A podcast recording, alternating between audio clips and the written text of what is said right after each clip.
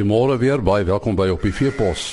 Ons praat vanoggend met die nuwe voorsitter van die Suid-Afrikaanse Voerkraal Vereniging en dan praat ons oor 'n uh, nasionale braunvee skou wat tydens die Vryburg skou plaasvind. 'n uh, Frikkie Potgieter van die Doornbult Voerkrale is uh, die nuwe voorsitter van die uh, Voerkraal Vereniging van Suid-Afrika, die SA Crew, die SA Voerkraal Vereniging. Uh Frikkie, hoe lank is jy al in die voerkraalbedryf self? Ja, ek het as 'n jong man begin hier so in die laat 70er jare, 77, 78 as 'n as 'n as 'n episode hulle vandag sou sê, nee. En, en hoe hoe die uh, die bedryf verander in die jare wat jy betrokke is? Ja, en die bedryf het uh het, het elke jaar sê mos nie maar uh, in wese is dit dieselfde. Ek dink uh, ons het in daardie jare begin met klein voelkrakies wat amper soos 'n skaapvoelkrakie was en uh, kontrakvoelkrale en vandag is dit groot wees voelkrale wat regtig ingerig is vir beeste, weet nie nie uh, so uh, nog onkunde was van hoe moet 'n voelkraal lyk nie. En maar die die beginsel van intensiewe afronding om 'n goeie kwaliteit produk teen 'n baie bekostigbare prys op die mark te plaas. Dit is nog altyd wat nog staan. En dan die grootste dryfveer wat ook nog staan is wat ons in Engels sê, ek het nie 'n mooi Afrikaanse woord aan. Ons dryfveer is cost of gain, weet. Die koste wat dit uh uh, uh dit al jy moet insit om 1 kg vleis te produseer. Dit is die groot dryfveer agter ons om altyd teen die laagste koste goeie kwaliteit vleis te produseer. Ja, en die mense het nie altyd beheer oor die koste die net die prys van mielies. Dit is en dis soos die jaar soos nou wat uh, werklik nou weer uitstaan. Uh ons het werklik ek dink in ons land nie hierdie jaar nodig om nou 'n droogte toestand aan te gaan nie man. Uh dit belemmer ons bietjie weet ons gaan klaar gebuk onder 'n klomp ekonomiese drukke uh soos ons sê en uh en nou dat die mielieprys of die droogte nou nog die die mielieprys ook nou wat die hoogte inskiet is dit vir al die intensiewe voeders nou natuurlik nadelig. Maar nou natuurlik uh, ook die droogte is 'n ramp vir ons uh, ekstensiewe boere want uh, hulle het nie die vermoë om nou die diere op die veld aan te hou nie. Hulle moet dit van ontslaa raak. En dit plaas geweldige druk nou op die mark met sekere tye wat 'n uh, prys afdrukkende effek sal meebring en dan later gaan daar net weer tekorte moontlik ontstaan wat dan weer 'n opwaartse druk in die prys kan teweegbring. Maar uh, 'n uh, geleidelike prys uh uh is vir ons meer bevorderlik as dinge meer konstant loop dan is dit mos altyd lekkerder as dit makliker om die om die pad vorentoe te te meet of te voorspel weet. Die die hele voerkraal konsep, waar kom dit vandaan? Is dit is dit Amerika? Uh, hulle is die grootste voerders natuurlik, die Amerikaners, want hulle is die grootste mielieboere. Jy weet, uh, hulle produseer uh, in die orde van 350 miljoen ton mielies wat hulle moet van ons laag en hulle wil dit op verskillende maniere ons laag. Maar toe het hulle gesien met die intensiewe voeding is die voordeel dat jy jy kan dit ekonomies doen en dan natuurlik kan jy reg deur die jaar dit doen. Dit is nie net dat jy van weeromstandighede afhanklik is om net sekere tye van die jaar 'n goeie kwaliteit produk te kan lewer nie.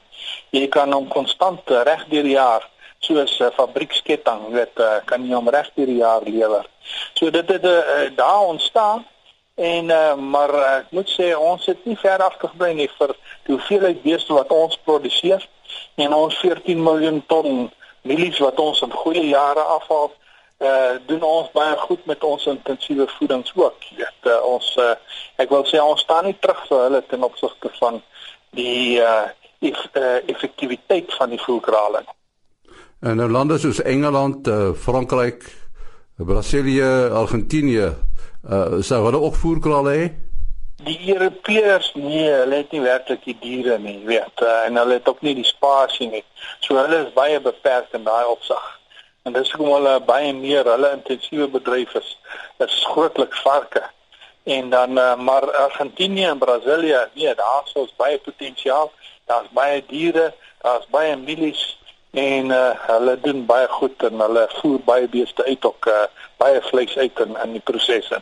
Ek dink uh, Brasilië is uh, is amper kan jy sê soos die spens amper van die wêreld so baie diere en en milies het hy tot sy beskikking. Uh, wat mense nie weet nie is dat voerkrale in Suid-Afrika is nie eweredig oor die land versprei nie, nê. Nee, uh, uh, by die see kry mense 'n voerkrale nie of is daar? Nee, nee jy weet, uh, voerkrale is is jy moet 'n strategiese uh geografiese ligging op hê. Die regte plek gelees nie dan dan gaan jy dit nie maak nie. Die bedryf is heeltemal te kompeterend. Jy moet naby 'n voedingsbron wees want jy het vir elke kilogram vleis wat ons produseer, gebruik jy omtrent 9 kg. So tussen 8 en 9 kg voer. Nou as jy nie naby die voer is nie, dan gaan jy jou dood vervoer en jy weet self met vandag se brandstofpryse kan jy nie goed ver vervoer nie, weet. Eh, die die die kalf en die vleis, dit is 'n gekonsentreerde produk, dit kan jy dan redelik ver vervoer, maar die voer self, jy moet naby aan voedingsbronne wees. En dan natuurlik die klimaatstoestande speel 'n belangrike rol as jy in uiterste klimaatstoestande is, dan gaan jy 'n uh, bietjie sukkel met uh, of modderige toestande daar in die nat wintermaande en uh, of met uh, baie droë toestande kan kan 'n dier nog beter hanteer, maar dan raak dit weer stowwerig. So jy moet jy moet so goed as moontlik die al die omgewingstoestande kan beheer.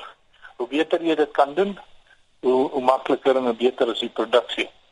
En uh, as die klimaat saamspeel dan is dit net soveel makliker as wat jy in uiterste toestande dit probeer doen.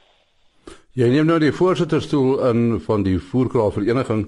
Uh wat is die grootste uitdaging vir jou? Uh natuurlik is die droogte 'n uitdaging, maar wat watter ander uitdagings is daar? Maar nee, die die samewerking van die verskillende dele van die produksieketting weet die voerkrale is maar slegs een gedeelte, een skakel in die beesvleis produksieketting.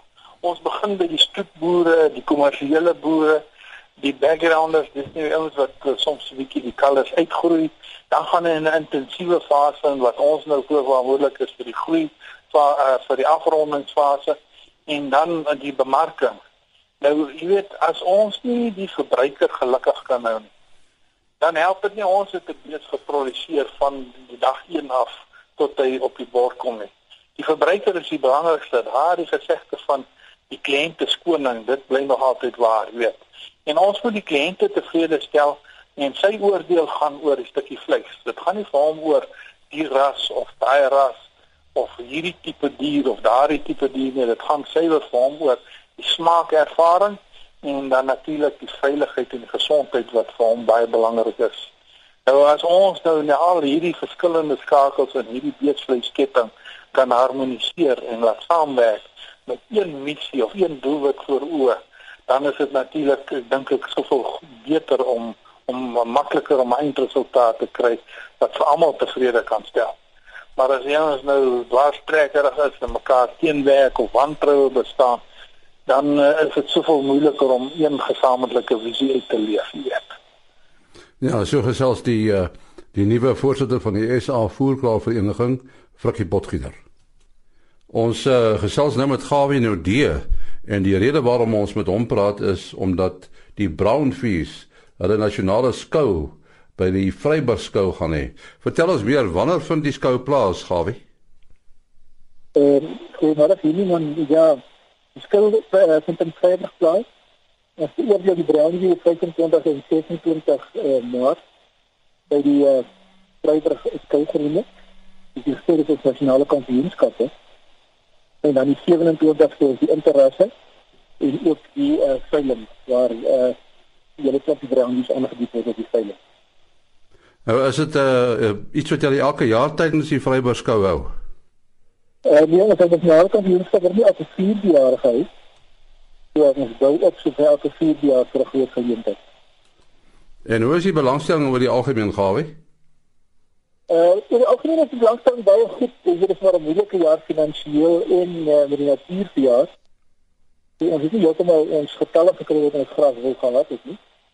Maar as dit nog steeds nog steeds tevrede is, dit uh, ek dink ons gaan 'n baie goeie standaard handhaaf en baie goeie kwaliteit hier aan bied. En waar kom die ouens vandaan? Is dit van landwyd? Uh die ouens kom van landwyd, ons is hier van die Ooskaap af, dan daar bo van weer is die groot Mariko van die Kalahari af en uh, Oos-Vrystaat, Vrede, Brandstad uh, en dan ook in die Karoo. So as dit redelik wyd versprei uh wat die skou gaan doen. Hoe gaan dit met die brownfish, uh, Gawie? Dit gaan eintlik goed met die brownfish. Uh, ons het eintlik 'n geweldige aanvraag. Uh, hulle hulle is, is, is baie gewild vir kruisspele. En dan ons vroulike diere kan ons eintlik nie genoeg voorsien vir die mark nie. Uh, die groot uh, geheim hier daar is dit om, om kwaliteit diere vir die mark te voorsien. Uh, en nie op ons kwaliteit in te bied. Uh, en natuurlik die naam sê dit, dit kom seker van Duitsland af. Dit is eintlik 'n Switserse ras. Hy is ontwikkel bo in die Alpe in Switserland en is een van die oudste suiwerrasse uh in die in die wêreld. En hoe pas die diere aan in Suid-Afrika as hulle van Switserland afkom? Hulle pas baie goed aan omdat hulle in die in die Alpe ontwikkel is. Het hulle 'n behoorlike rolboek self wel met die meeste ander uh rasse. Dit is vreeslik aanpasbaar maak. Hier by ons in die Ooskaap dat ons maar die Switserland van Suid-Afrika doen uh pas hulle baie goed aan. Maar ook in die in die Kalahari waar dit warm is in sy wese hulle verskriklik gewild op die oomblik. Uh in die boordsveld. So hy is in baie wyd aanpasbaar. Uh in my self in die Weskaap uh, is daar daar net wat ek gebruik in melkrye in. En met die melk, ja, hy is baie aanpasbaar. Is dit 'n ras wat uitbrei hier in Suid-Afrika? Uh ja, nou is dit so.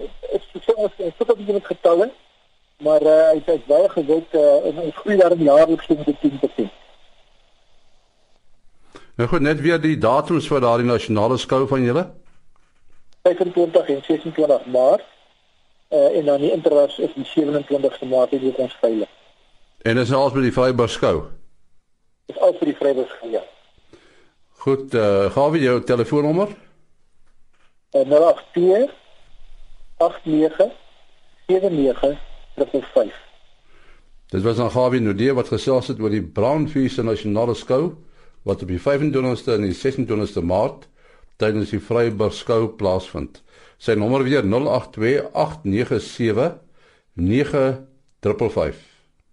daarmee ook die einde van op die veepos tot môreoggend mooi loop.